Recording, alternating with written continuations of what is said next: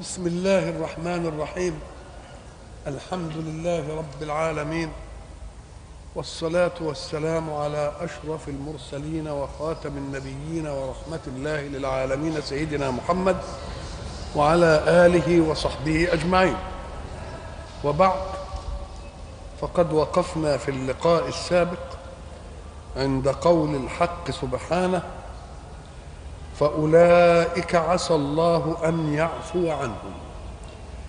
وقلنا إن أولئك إشارة إلى المستضعفين من الرجال والنساء والولدان الذين ذكر الله حيثية استثنائهم فقال لا يستطيعون حيلة ولا يهتدون سبيلا. ومع ذلك فإن الله حينما أشار إلى هؤلاء المستضعفين بحق قال فأولئك عسى الله أن يتوب عليهم. كان مقتضى الكلام أن نقول أولئك عفى الله عنهم لكن عسى تدل على رجاء أن يعفو الله عنهم والرجاء من الممكن أن يحدث أو لا يحدث. إلا أننا تكلمنا في ذلك في حلقة سابقة وقلنا عسى صحيح للرجاء. أنك تشعر بأن هذا أمر محبوب تحب وترجو أن يقع. ثم تكلمنا وقلنا إن في فرق بين أن ترجو شيئا من غيرك فتقول عساك أن تفعل كذا. لكن لما أقول عساي أن أفعل كذا أنا اللي أملك. يبقى دي أقوى ولا مش أقوى؟ أقوى. طيب لما أقول أنا مش عسايا لأن يمكن قوتي تخني. أقول عسى الله أن يفعل. يبقى أقوى وأقوى. فإذا كان الله هو الذي يقول عسى الله أن يفعل. يبقى مش أنا بقى. يبقى ده إطماع ورجاء إلا أنه إطماع ورجاء من كريم فهو محقق.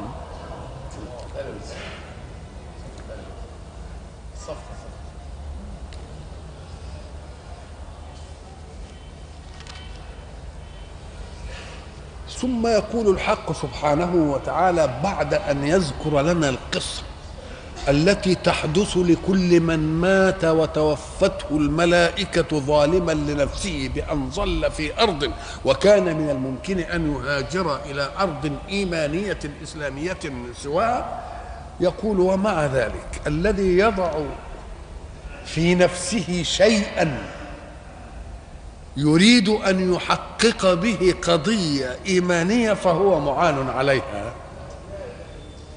ليه؟ لأن هو قال في آية من يتق الله يجعل له. فاللي هيضع في ذهنه وإن كان مستضعف والى آخره ويضع في نفسه إنه يهاجر لأرض يأخذ فيها حظ حركته الإيمانية أوسع مما هو فيها الله ييسر له إيه؟ ولذلك مش مش النساء كانوا من المستضعفات. طب ومع ذلك أم سلمة عملت إيه؟ آه وبقى ابنها في حتة وهي في حتة والدنيا كلها في وما هاجرت برضه اذا الذي يحاول إيه؟ لقضية إيمانية يعينه الله إيه؟ فبيقول والقضية بقى الثانية ومن يهاجر في سبيل الله يجد في الأرض مراغما كثيرا وسعة. بس يضع في نفسه إيه؟ العملية الإيمانية إنه عايز يهاجر ويكون مهاجر لإيه؟ في سبيل الله هجرة في سبيل الله يعني تكون مثلا هجرة إلى دار أمن أو إلى دار كان الأول لما كان المسلمين يهاجرون إلى الحبشة لأنهم ما كانوا لم يكونوا آمنين في مكة على إيه؟ على دينهم. ولذلك قلنا إن رسول الله صلى الله عليه وسلم بسط الله له كونه. واستعرق واستعرض قضية العدالة في الكون. فلم يقبل إلا أن يذهبوا إلى الحبشة. لماذا؟ ده لازم استعرض قال هنا يفتنوا من كذا. هنا طب ما كان يوديهم في في قبيلة عربية في الجنوب ولا في الشمال ولا في أما قال لك لا ده قريش لها السيادة على الجزيرة كلها. ليه؟ لأنهم بيجوا يحجوا عندهم. فما فيش ممكن أي بيئة عربية هتجير على قريش. طب امال يروحوا فين بقى؟ يروحوا فين حتة قعد يستعرض البلاد كده فقال لهم روحوا للحبشة. العلة إيه؟ إن هناك ملكا لا يظلم عنده أحد. شوف العدل العدل في ذاته كان مفاء لمين؟ للمؤمن. يبقى دي اسمها دار أمن. ما هيش دار إيمان. لكن الهجرة إلى المدينة كانت إلى دار مين؟ إلى دار إيمان. بقت منطلق دار إيه؟ الإيمان. الهجرة ما فيش هجرة بعد الفتح. أم قال لك الهجرة دلوقتي كل هجرة يقصد بها المعونة على طاعة الله تبقى هجرة. أول المهاجر من هجر ما إيه حرم الله. هذه هجرة. تهاجر مثلا عشان تحج. تهاجر لطلب الإيه؟ لطلب العلم. تهاجر لأن فيه مكان في مجال للطاعة. عندك أكثر من المجال. افرض إن في مجال اللي بيضيقوا على اللي بيروح الجامع ولا اللي بيصلي ولا اللي بيشوفوه عنده ميول دينية. نقول يا شيخ نسيبها لهم ونروح في حتة ناخد فيها حرية حركتنا الدينية مثلا. آه اذا فدي كلها إيه؟ هجرة. بس النية فيها إيه؟ مش تكون بس السبب فيها طلب سعة العيش بس. يقول له لا أنت تطلب إيه؟ سعة حركتك الدينية. سعة حركتك الإيه؟ الدينية. ولذلك بيقول لك يجب الناس ما تنشغلش بالحتة اللي هي شغلهم دلوقتي. ولذلك الامام علي يقول لك عجبت لل- للقوم. يسعون فيما ضمن لهم ويتركون ما طلب منهم. كل الحكاية للرزق للرزق للرزق للرزق للرزق للرزق. للعيش للعيش للعيش. دي مسألة مضمونة. مسألة مضمونة. ومن يهاجر في سبيل الله يجد في الأرض مراغما. يا سلام يجد في الأرض مراغما كثيرا ويجد سعة. اوعى تقول هتضيق لعمرك ما ضاقت بلاد بأرضها بأهلها ولكن أخلاق الرجال تضيق. سيئة لو بيضيق أخلاق الرجال إنما في أرض بتضيق بأهلها مش ممكن. ولكن أخلاق الرجال إيه؟ تضيق يقول لك واحد أنا بطلب بس ساعة العيش عشان يعني يجيب فلوس كتير. آه، نقول له أصلك أنت عايز عمل من لون خاص. إنما لو أردت عملا ترزق بسببه كان كل هنا تلاقي عمل كتير قوي ترزق. إنما أنت عايز عمل من نوع خاص بقى. ها؟ مش عايز عمل ترزق بسببه. لا تيجي تقول له مثلا يقول لك بده عايز يقعد على مكتب عايز يلبس مش عارف إيه. إنما تعالى يا اخوان ده الناس بتدور على العامل دلوقتي بإبرة. بإبرة بتدور عليه دلوقتي. اذا بس الناس عايزة عمل من نوع إيه؟ من نوع. إنما اللي عايز عمل عشان يرزق منه كتير قوي. نعم. ومن يهاجر في سبيل الله يجد في الأرض مراغما. كلمة مراغم دي ساعة ما تشوفها يا سلام تفتح المجال أمام المستضعفين الذين يستذلهم الجبارون. مراغم كلمة ال- الم- المادة بتاعتها را وغاء وميم. رغم. الأصل منها الرغام يعني التراب. يبقى مادتها إيه؟ التراب. يقول لك أنا هفعل ده وأنف فلان راغم. يعني أنفه ده يروح التراب وهعملها. يبقى هعملها غصب إيه؟ عنه. لما أعملها غصب عنه يبقى هو كان عايز يذلني لا أنا عملت فيه إيه؟ ذليته وخليت انفه ده أهو اللي هو محل ال- العرنين ده اللي بيرفعه كده ويقول لك عنده نيف وعنده مش عارف إيه وأنفة و... ما حتى أنفة جاية من الأنف. عايز أنفه يبقى مش ولذلك تقول لك أنا عايز أكسر من إيه؟ أنا عايز أكسر مناخيره دي ما هي أعلى حتة هنا دي. اكسرها. اذا رغم أنفه يعني إيه أنفه ذهب إلى مين؟ تراب. طب اللي اللي بيهاجر ده مش كان مستضعف بتقوله وتعبان وعايز يروح في حتة كده كويسة؟ والناس اللي هو في البيئة بتاعته ذلينه وعاملينه؟ لا. يقول له طب هاجر كده؟ تقوم انت هتجد حتة تجد فيها ما يرغم أنف عدوك.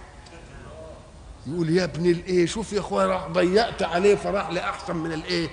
آه. يبقى مش هيشمت فيك. لا. ده انت رغمت أنفه. يبقى مراغم ادي اسمه مفعول مراغم يعني مكان إذا ما وصلت إليه ترغم أنف خصمك الذي كان مستضعفا لك. في أحسن من كده بقى بقى من يهاجر في سبيل الله يجد في الأرض مراغما كثيرا. مراغم يعني أشياء كثيرة. هذه الأشياء تجعلك في حال تذل من كان يستضعفك إلى درجة أن تكون أنفه في الرغام. إلى درجة أن تكون أنفه في الإيه؟ في الرغام. دي تشجع بقى إن كل واحد يعمل إيه؟ يهاجر. ومن يهاجر في سبيل الله يجد في الأرض مراغما كثيرا وسعة. ما هي ما دام دي كان ضيقة حركته هو عايز يعمل إيه؟ تبقى حركته تتوسع. ومن يخرج من بيته مهاجرا إلى الله ورسوله ثم يدركه الموت فقد وقع أجره على الله وكان الله غفورا رحيما. هنا بيقول لك طيب أنت ما دام المده ما حدش يعرف ميعاده هو عمل كده وبده يهاجر ما يمكن ما وصلش إلى المراغم دي ما يحصلهاش دي أم قال لك يبقى وقع أجرك على الله؟ إحنا كنا هنديك مراغم مكان يرغم أنف خصمك وذلك سبب. لما تموت كده قبل ما توصلوا تبقى رحت للرب السبب. تبقى هي اللي أحسن بقى؟ يبقى اللي أحسن دي. يبقى أنت كسبان على كل حال. ويقول لك إيه؟ ومن يخرج من بيته إيه؟ مهاجرا إلى الله وإيه؟ فقد وقع أجره على الله. كلمة وقع أجر وقع الأجر. آه. وقع إيه؟ ما هو طبعا ثم يدركه الموت فقد وقع أجره على الله. كلمة وقع أجره يعني سقط أجره على مين؟ على الله. الله. كأن الحق سبحانه وتعالى بيقول لك إن المسألة لما تروح لها ما تعيش مراغم المراغم سبب من أسبابه. إنما لما يدركك الموت قبل أن تذهب إلى المكان اللي قلت لك السعه والمراغم تبقى رحت عند مين؟ يبقى ول ول ول ولذلك يقول لك إيه؟ فإذا وجبت جنوبها وجبت جنوبها يعني إيه؟ يعني سقطت كده ووقعت على الإيه؟ وإذا وقع القول عليه يبقى سقط. ومعنى السقوط هنا مش إن يعني المسألة يقول لك أنت كأنك إيه؟ ذهبت بها إلى مين؟ إلى الله. ذهبت بها؟ طب وإيه؟ فقد وقع بمعنى سقط. أما قال لك آه خد بالك من الملحظ. أن أن الجزاء الجزاء أحرص عليك منك عليه آه. الجزاء أحرص عليك منك عليه يوم ساعة ما يدركك الحكاية دي يوم الجزاء جاي على مين؟ عند ربنا. آه يبقى إيه الجزاء عارف إيه؟ أكتر منك أنت. فقد وقع أجره على الإيه؟ فقد وقع أجره على الله. وكان الله غفورا إيه؟ غفورا رحيما، يعني إن كنت توانيت شوية ما تقولش ما هي فاتت مني بقى. نقول لك لا تداركها لأن الله يغفر لك ما فات إن أنت إيه؟ حاولت بعد ذلك أن تدارك أن تتدارك ما فات منك الهجرة تقتضي ضربا في الأرض والهجرة تقتضي الهجرة في الجهاد مش كده الحق سبحانه وتعالى حينما جعل للإسلام أركانا جعل الأركان للإسلام ثم جاء فحمل المسلم على ما يمكن أن يكون له من أركان. يبقى في أركان إسلام وفي أركان مسلم. أركان الإسلام إحنا عارفينها. شهادة أن لا إله إلا الله أن محمد رسول الله مش كده؟ وإقام الصلاة وإيتاء الزكاة وصوم رمضان وحج البيت. دي أركان الإسلام. إنما طب هب أن إنسانا ليس عنده مال. يبقى الزكاة ركن من الإسلام إنما ما بقتش ركن فيك.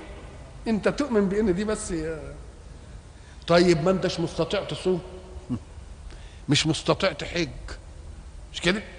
طيب شهادة أن لا إله إلا الله زي ما قلنا هتقولها في العمر مرة. شهادة أن لا إله إلا الله وأن محمد رسول الله هنقولها وننتهي. خلاص كده؟ على الأول. وبعدين الصيام مانيش مستطيع. مش كده؟ طيب. آه ال- ال- ال- الزكاة ما عنديش فلوس. الحج ما عنديش حاجة لأن غير مستطيع حج سبيل. يبقى إيه اللي بقي لك بقى؟ مش الا الصلاه ما فيش إلا إيه؟ وإحنا بقى اللي يفتكر بقى إن إحنا قلنا ومع أنها هي الركن اللي ما بيسقطش عن الإنسان ابدا ابدا لأنك تقول لا إله إلا الله محمد رسول الله ويك- ويكفي مرة واحدة في العمر وتزكي زي ما قلنا والصوم زي ما قلنا والحج زي ما قلنا يبقى باقي إيه؟ يبقى هي ده الركن الإيه؟ أدي السبب انهم بيقولوا هي عماد المين؟ عماد الدين من أقامها فقد أقام تعال الحق سبحانه وتعالى قلنا برضو سابقا إن لأنها هي الركن الذي لا يسقط ابدا. قال لك جمع الله فيها كل الأركان. لأنك أنت لما بتصلي مش بتشهد أن لا إله إلا الله وأن محمد رسول الله يبقى تحققت إعادة الركن الأول. مش كده؟ عال طيب ولما أنت بتيجي تصوم بتصوم عن إيه؟ عن الأكل. لا يا أخويا وأنت بتصلي بتصوم عن الأكل والشرب وعن الكلام كمان. ده أوسع في الإمساك. أوسع في الإيه؟ في الإمساك. حبس النفس عن أشياء كثيرة تفعلها في الصوم ولا تفعلهاش في الصلاة. طيب الصوم يمنعك إنك تجري كده وتروح كده وتروح لما دي منعك. إن الصوم إنك تتكلم منعك. الله تبقى هي واخدة إيه؟ واخدة إمساك من نوع أوسع. عال قوي طيب والزكاة؟ قام قال لك الله الزكاة أنت بت- بتطلع جزء من مالك. آه طب والمال ده أنت جايبه منين؟ من عملك؟ طب ما الصلاة خدت الوقت اللي هو فيه العمل اللي أنت بت... ده أنت ضحيت بالاصل أنت ضحيت بإيه؟ بالاصل نفسه لأن أنت بتزكي بجزء من مالك. مالك جايبه منين؟ من عملك. عملك جايبه منين؟ من وقتك. طب ده أنت خدت الوقت كله. قلت حتة من الوقت كله. تبقى فيها زكاة دي أوسع ولا مش أوسع؟ طيب يا سيدي هنحج البيت. طب ما أنت كل بتتحرى إنك تبقى قبل البيت كده وتتجه ومش عارف إيه. إذا هي كل فيها البتاع لانها آه. ولذلك اختلفت عن بقية الأركان في أنها لم تشرع بواسطة الوحي وإنما شرعت بالمباشرة بين رب محمد وبين محمد.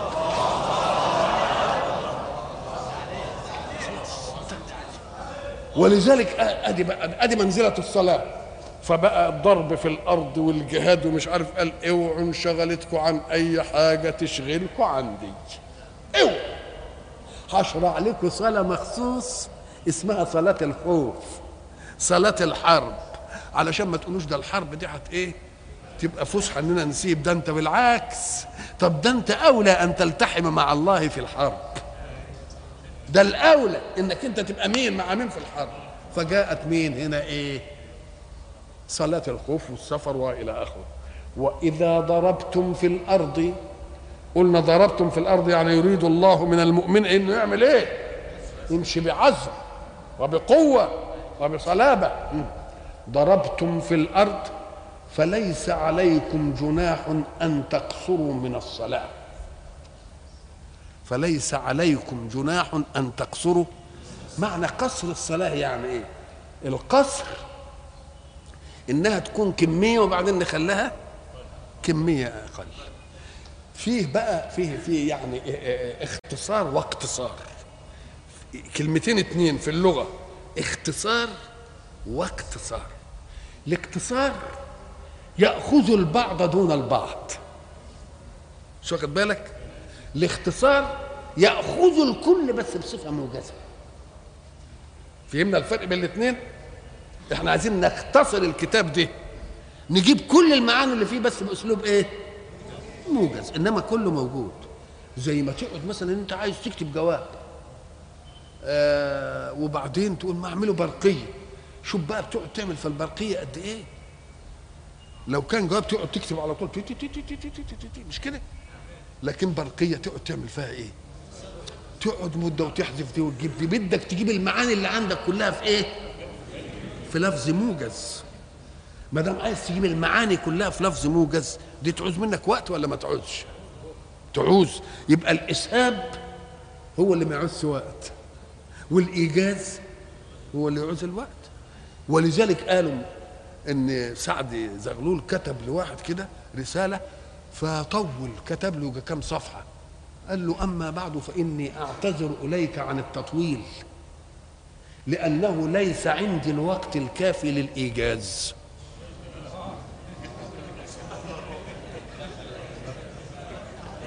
لأن الإيجاز هيعمل إيه؟ عايز تقعد تفكر وتجيب اللفظ ده لا اللفظ ده أجمع اللفظ ده شيل واللفظ ده مش عارف إيه لا. تجيب بقى يعني مثلا لما يجي مثلا الخليفة آه، بيقول له عايز يهدد عدوه في الروم. قال له أما بعد فسآتيك بجيش أوله أوله عندك وآخره عندي. خراب شوف الكلمة دي قد إيه؟ أوله عندك وآخره فين؟ يبقى معناه إيه؟ يعني زي ما يقول له جيش عرمرم وجيش وخميس وهيملأ الأرض مش عارف إيه ومكون من إيه. قال له لا أوله عندك وآخره عنده. مش كده؟ لما حوصر في دومة الجندل وكتب لخالد الولي يقول له كان يقدر يقول له بقى إحنا مزنوقين وإحنا كذا وإحنا كذا واسرع الينا وتعالى كتب له قال له قال له إياك أريد. بس. إياك إيه؟ إيجاز. إيه؟ إيجاز. إحنا كنا جايبين الكلام ده ليه؟ طيب. آه في القصر والإيه؟ في الاختصار والاقتصار فهنا قصر. يعني بدل الصلاه ما تبقى أربعة تبقى كام؟ تبقى اثنين خلاص كده؟ على الأول ودي مشروعيتها ليه؟ اما قال لك لأنهم في حرب بقى. وحرب عايز إيه؟ عايز ما ننشغلش عن الإيه؟ عن العدو ولا ننشغلش عن إن الصلاة كانت على المؤمنين كتابا موقوتا. فإذا شرع الله للخوف صلاة وللحرب صلاة وللسفر صلاة. يبقى معناها أنه لا سبيل أبدا إلى أن تنسى. لا سبيل أبدا. وبعد ذلك تيجي نقول الواد أي مشاغل في الدنيا مش زي مشاغل الحرب والسيف. مش كده ولا لا؟ ومع ذلك ربنا قال لنا إيه؟ قال فصلاة الخوف اللي هي في حالة الحرب دي القرآن جابها. صلاة السفر النبي السنة هي اللي إيه؟ هي اللي جابتها. وإذا ضربتم في الأرض فليس عليكم جناح أن تقصروا من الصلاة. إن خفتم أن يفتنكم الذين كفروا. إن الكافرين كانوا لكم عدوا مبينا. ولما بقى إيه يشوفوكوا كده مشغولين ولا اي حاجة ينتهزوا فيكم فرصة فلما تروحوا بقى تصلوا عايزين تقدم. إن الصلاة كانت على المؤمنين كتابا موقوت ولا تمكنهمش من مين؟ من نفسكم. فراح شارع قصر الايه؟ الصلاه وإذا كنت فيهم الخطاب لسيدنا رسول الله صلى الله عليه وسلم. ونشوف بقى الخطاب هنا. وإذا كنت فيهم فأقمت لهم الصلاة. طب نعمل إيه بقى؟ قال لك فلتكن طائفة منهم معك. طب ما دام هتكون طائفة منهم معك يبقى مفهومها إيه الثاني يبقى في طائفة مش معك. يبقى فين؟ بتعمل إيه؟ بتراقب العدو. تحمي ظهورك وتقف كده مع الايه؟ العدو. والطائفة تقوم تصلي. طيب تصلي إزاي؟ طب ما هم كلهم جنود مؤمنين. وكلهم عايزين يكونوا في في شرف الصلاة معك. قال له اقسم إحنا قصرنا عنك الصلاة. أنت تقسم الصلاة المقصورة على المقصورة دي بين الطائفة دي وبين الإيه؟ ليشرف كل واحد بالصلاة معك. فلا يوجد واحد يقول أنا كنت بصلي مع النبي وده ما بيصليش على إيه؟ مع النبي. مفهوم ولا لا؟ فإذا كنت فيهم فأقمت لهم الصلاة. اولا الصلاة إن كانت الثنائية ما بتقصرش. مش كده؟ الرباعية بتقصر الثلاثية ما تقصرش لاننا لما نقصرها تبقى في ركعة ونص. فالجبر دائما بيش إحنا بنيجي نجبر الكسر كده إلى الواحد الصحيح. طب تجبره إلى الأقل ولا تجبره للاكثر؟ لا الاكثر خلاص. قال لك إيه صلاة الخوف دي صلاها رسول الله صلى الله عليه وسلم بهيئات متعددة. إحنا ما كانش ضروري نقولها لكم لأن دي بقى نقولها لل... لل... للأئمة وللعلماء اللي هيروحوا إيه؟ يصلوا بالجيش أو إنما ما فيش مانع اننا نلم بها الماء ببسطها لا طريقتين. هنصلي ركعتين. لأن حتى إن كانت اربعه هنصلي أربعة أو ثلاثة. إيه ماذا يصنع؟ يقف رسول الله صلى الله عليه وسلم. فالجيش ينقسم قسمين. قسم يصلي معاه وقسم يقف يراقب مين؟ العدو. خلاص؟ فيصلي بال... بالجماعة اللي ويهدي إيه؟ ركعة واحدة. خلاص؟ ثم ينصرفون. وتأتي الطائفة اللي كانت واقفة تصلي معه إيه؟ الركعة الثانية خلاص؟ هو خلص. يقوم يسلم هنا. خلاص؟ وبعدين إيه اللي يحصل؟ تيجي الطائفة الأولانية اللي صلت الركعة الأولانية وياه وتصلي الإيه؟ الثانية وتسلم وتخلص. وتيجي الطائفة الإيه؟ اللي صلي وتصلي وتنتهي. أدي طريقة. في طريقة مالك قال لك هو برضه هيقسمهم قسمين. وتيجي طائفة تصلي مع النبي عليه الصلاة والسلام إيه؟ إيه؟ ركعة واحدة.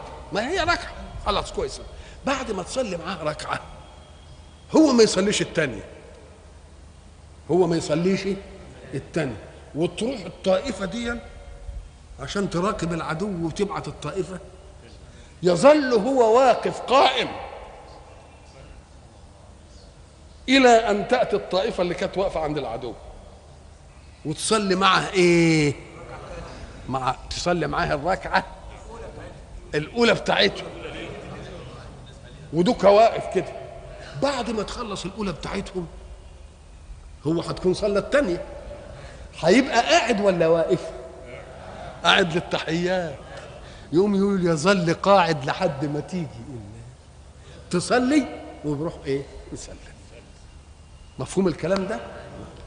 يبقى لها صورتين اثنين وإذا كنت فيهم كلمة وإذا كنت فيهم هذه الصلاة مقصورة على كون النبي عليه الصلاة والسلام لأن صلاتهم معاه هي الشرف. طب فإذا بعد رسول الله يصلي ناس متعددين يصلي ده ويصلي ده ويصلي. قال لك إن كنت ستعتبر القائمين بأمر الخلافة وأمر القيادة خلفاء لرسول الله في هذه يبقى دي برضه إيه؟ تحصل. وإن كنت هتعمل لكل جماعة إمام وجماعة يقفهم وجماعة يصلوا يبقى يصلي.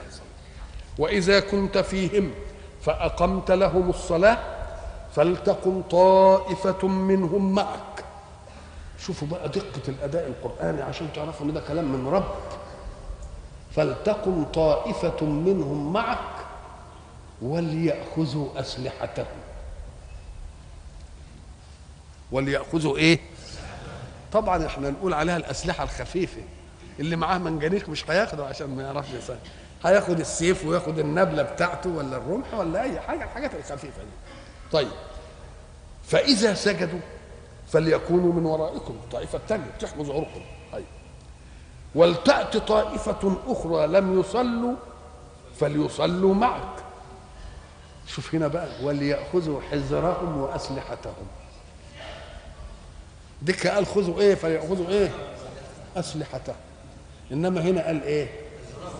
قال يأخذوا حذرهم وأسلحتهم. عشان تعرف إن مش ألفاظ بس بتنقال ده ألفاظ لها مدلولات من إله. قال لك لأن اللي جايين من الأول. ما هم الأولانيين. كانوا جايين لسه ما فيش عندهم. إنما اللي هيجوا يصلوا الثانية آه. يبقوا بالهم مشغول بإيه؟ بالهم مشغول بالعملية اللي كانوا فيها. ما هو دلوقتي دول بيصلوا. ودول إيه؟ آه بيراقبوا. فيبقوا مشغولين بإيه؟ مشغولين شغلتين. شغلة ذواتهم وشغلة اللي مين اللي بيصلي. فلعلهم حين يذهبون إلى الصلاة مع رسول الله تلهيهم المسائل قال لك لا خذ حذرك. خذ إيه؟ يبقى هياخد إيدك خذ أسلحته بس. لأنه كان الأول ما فيش فيه حاجة. ده داخلين لسه دخول أول. ليأخذوا حذرهم واسلحتهم شوف بقى المعاني. كلمة ليأخذوا حذرهم. وأسلحتهم. طب الأسلحة دي تؤخذ. وكيف يؤخذ الحزر ده الحزر دي عملية معنوية. ياخد الحزر ده إزاي؟ أم قال لك يضخم الله المعنويات حتى يجسمها تجسيم الماديات حتى لا تغفل عنها. فكأن الحزر دي آلة من آلات قتالك. الحزر إيه آلة؟ من آلات قتالك. إياك أن تغفل عنها. ولذلك ده شيء كتير في أسلوب القرآن الكريم. مثلا يقول على الأنصار على المهاجرين والذين تبوأوا الدار والإيمان اللي هم الأنصار اللي راح المهاجرين وأكرموهم الاكرام والذين تبوأوا الدار والإيمان. طب الدار هي مكان والمكان متبوأ. إنما ده الإيمان ده معنى يتبوؤونه إزاي؟ قال لك لأن المباء والمرجع كله الإيمان. المباء المرجع كله إيه؟ المرجع كله الإيمان. إذا فجعل الإيمان كأنه متبوع. يعني ما شيء ينزل فيه. أم قال لك إيه وهو كده؟ يعني الدار هنا ما كانتش كده إلا لأنها إيه؟ لأنها دار الإيمان. إيه والذين تبوأوا تبوأوا الدار والإيه؟ والإيمان. يحبون من هاجر إيه؟ إليهم ولا يجدون في صدورهم حاجة مما إيه؟ مما أوتوا ويؤثرون على أنفسهم ولو كان بهم خصاصة. فليصلوا معك. طيب. وليأخذوا حزرهم وأسلحتهم. ود الذين كفروا لو تغفلون عن أسلحتكم وأمتعتكم. أهي دي برضه تديني ليه قال خذوا حذركم؟ لأن الخوف على مين؟ على الأسلحة والأمتعة. لأنها حين تفقدونها أنتم مش بس تفقدوها أنتم ده تفقدوها وتكون قوة لهم. زي ما العدو تاخد منه سيفه. ما تقولش إن أنا خدت سيف. ده أنت خدت سيف بقى معاك سيف وهو ما معاش. يبقوا اتنين ولا لأ؟ آه يبقوا اتنين. فالمسألة الأسلحة والأمتعة مش لما تفقدوها يبقى فقد ده فقدها إضعاف لكم وقوة لمين؟ يبقى دي اللي عايزة الحذر بقى ولا لأ. عايزة الحذر نعم. لو ود الذين كفروا ودوا يعني أحبوا. ها لو تغفلون عن أسلحتكم وأمتعتكم. هنا بقى المؤمن في يقظته وفي كياسته في ساعة الصلاة بيبقى مع مين؟ آه مع الله. في واحد بقى يستغرق يقول لك أنا في الفناء مع الله. كتر ألف خيرك. إنما شوف أنت في موقف إيه لله. أنت أحسن تيجي تعمل لي دهول بقى وت... وتسيب الطبانجة ولا تسيب البتاع بقى وتقول ما أنا أصلي في نقول له لا ما هو أنت أصلك في موقف لله أيضا. في موقف لله ما تفصلش دي عندي. آه. نعم. ود الذين كفروا لو تغفلون عن أسلحتكم وأمتعتكم. الغفلة هي إيه؟ هي نسيان طارئ على ما لا يصح أن ينسى. نسيان طارئ على ما لا يصح إيه؟ أن ينسى. نعم. ود الذين كفروا لو تغفلون عن أسلحتكم وأمتعتكم فيميلون عليكم ميلة واحدة. معنى ميلة واحدة يعني إيه؟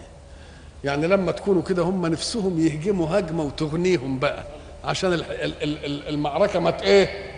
ما آه ما تطولش. فيميلون عليكم ميلة إيه واحدة؟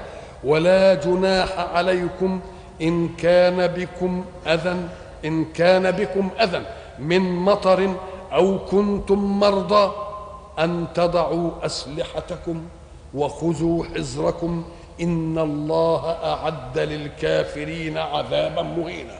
الله كلمة حذركم دي كررت كتير وبعدين إن الله أعد للكافرين عذابا مهين ده ده بشارة منه بان هم مش هينالوا منكم حاجة. طب وتقول بقى خذ حذرك ليه؟ لما قال الكلمة دي احسن افتكر إنك أنت خذ حذرك احسن أنا بقى حاسبكم للحكاية دي. قال لك لا ده هو بيقول لك خذ حذرك عشان تأخذ بالاسباب إنما هو معد للكافرين عذاب مهين. معد للكافرين إيه؟ ما هو أحسن. يقال بقى إيه؟ بيقول خذ حذرك خذ حذرك. هو بقى هيجيبنا هنا وي...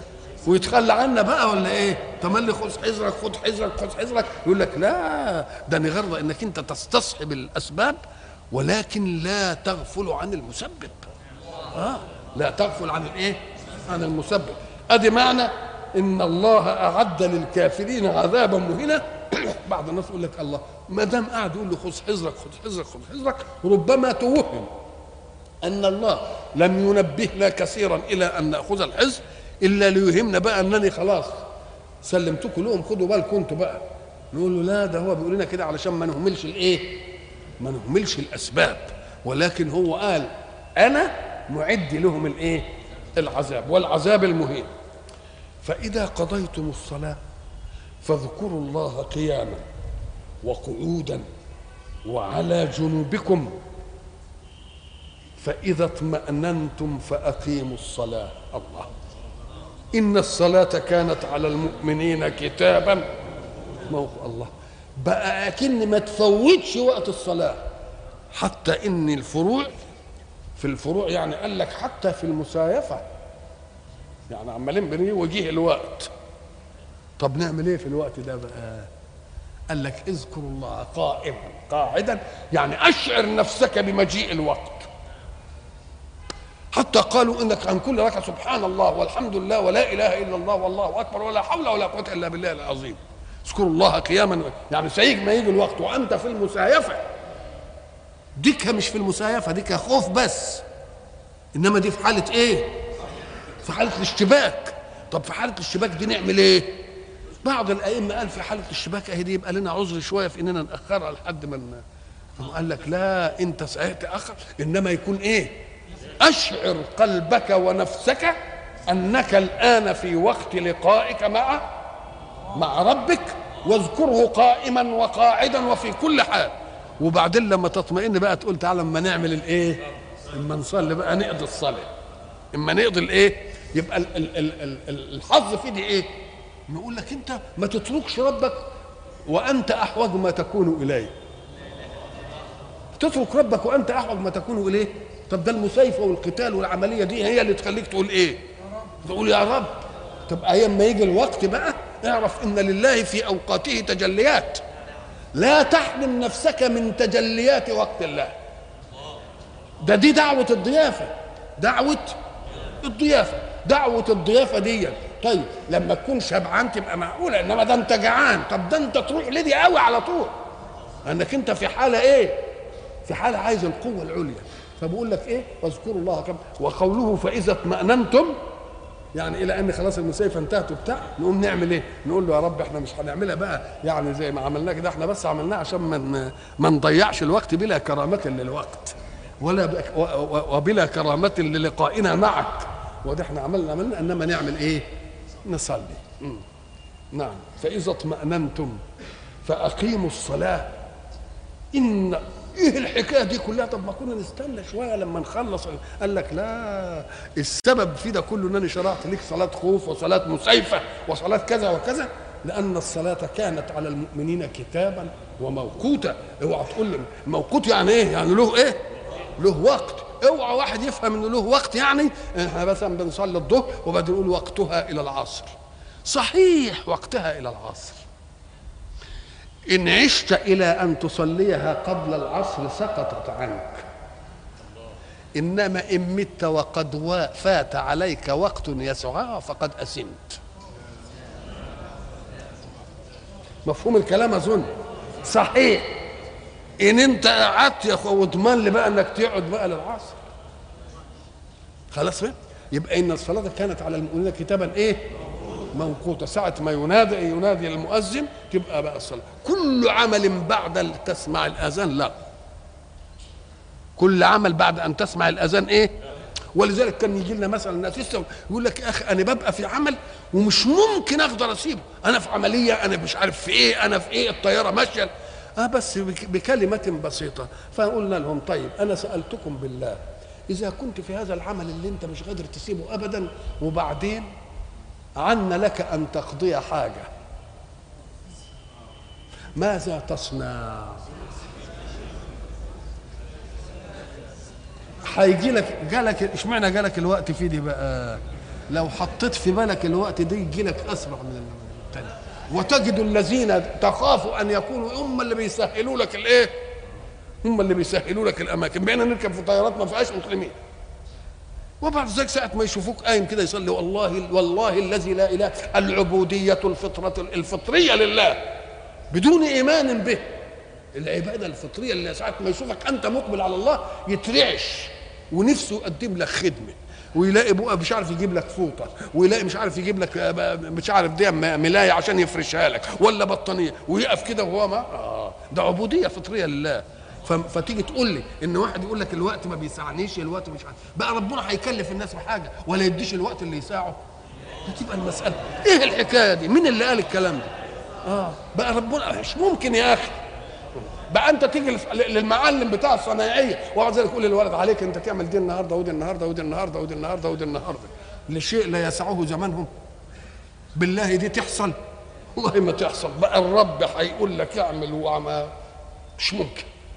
ولذلك ومن يتق الله ويرزقه من حيث لا يحتسب. نعم.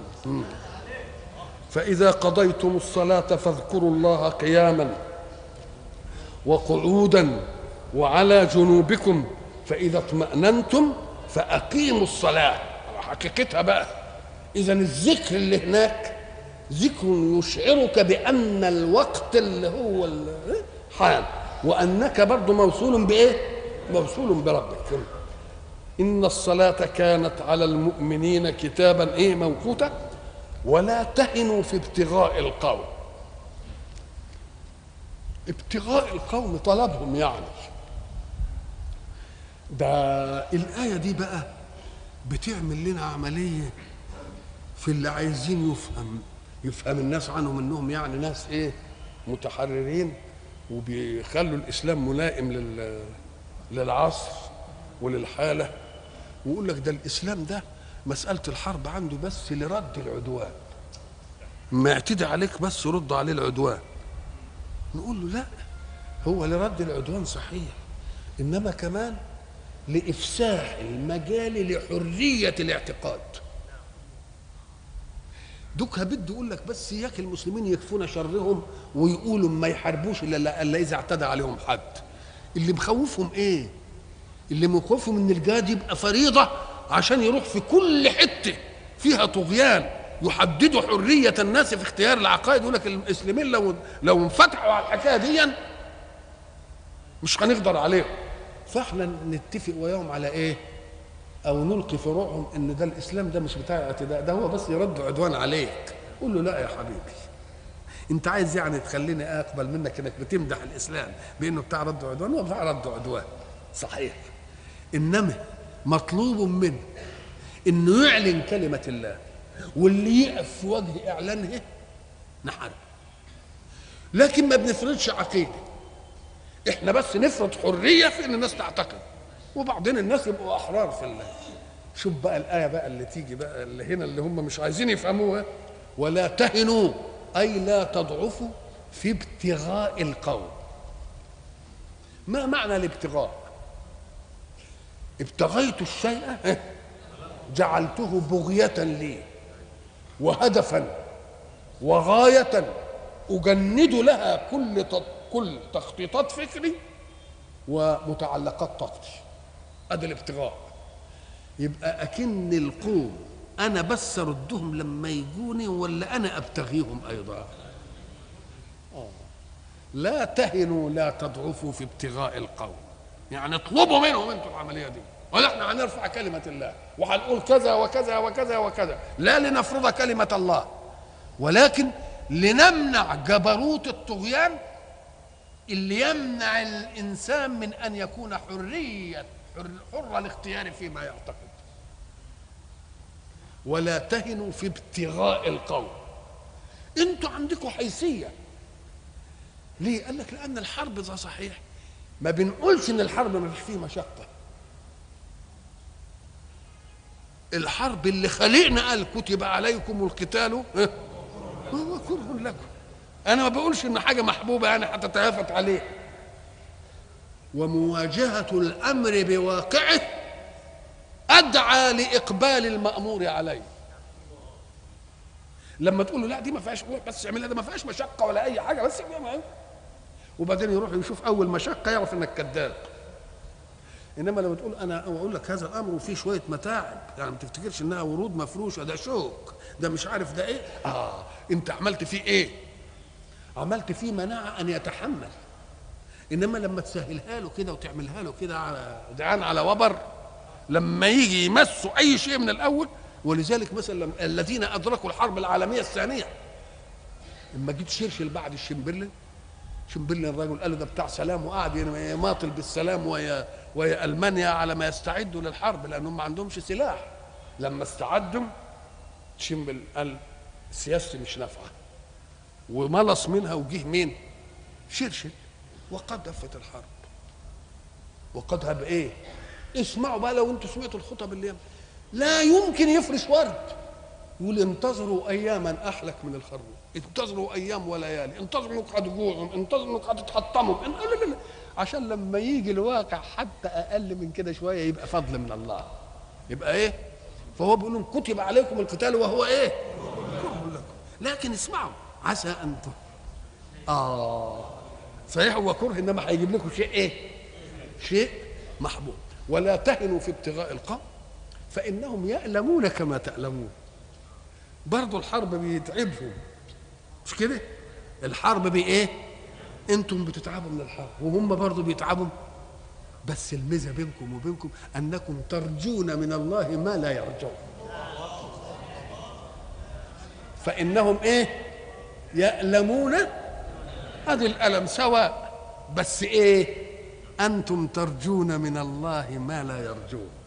أنتوا داخلين وراكم ربنا ومعتقدين إنه هينصركم واللي هيموت منكم هيروح لإيه؟ لجنة عرضها السماوات والأرض ومش عارف وإيه ويراه ولذلك جاء في آية تانية لما تجادلوهم قولوا لهم إحنا بنجادلكم بالعقل والمنطق. قل هل تربصون بنا إلا إحدى الحسنيين؟ أنتوا بتتربصوا إيه؟ يعني عمالين تنتظروا إيه اللي يحصل لنا؟ طب ما إحدى الحسنيين يا ننتصر عليكم ونقهركم؟ يا نموت شهداء ونروح الجنة. طب وأي واحدة من دول حلوة ولا مش حلوة؟ طب وإحنا بنتربص بكم إيه؟ أن يصيبكم الله بعذاب من عنده أو بأيدينا. يبقى التربص من هو اللي أحلى تربص مأمون. وإلى لقاء آخر إن شاء الله.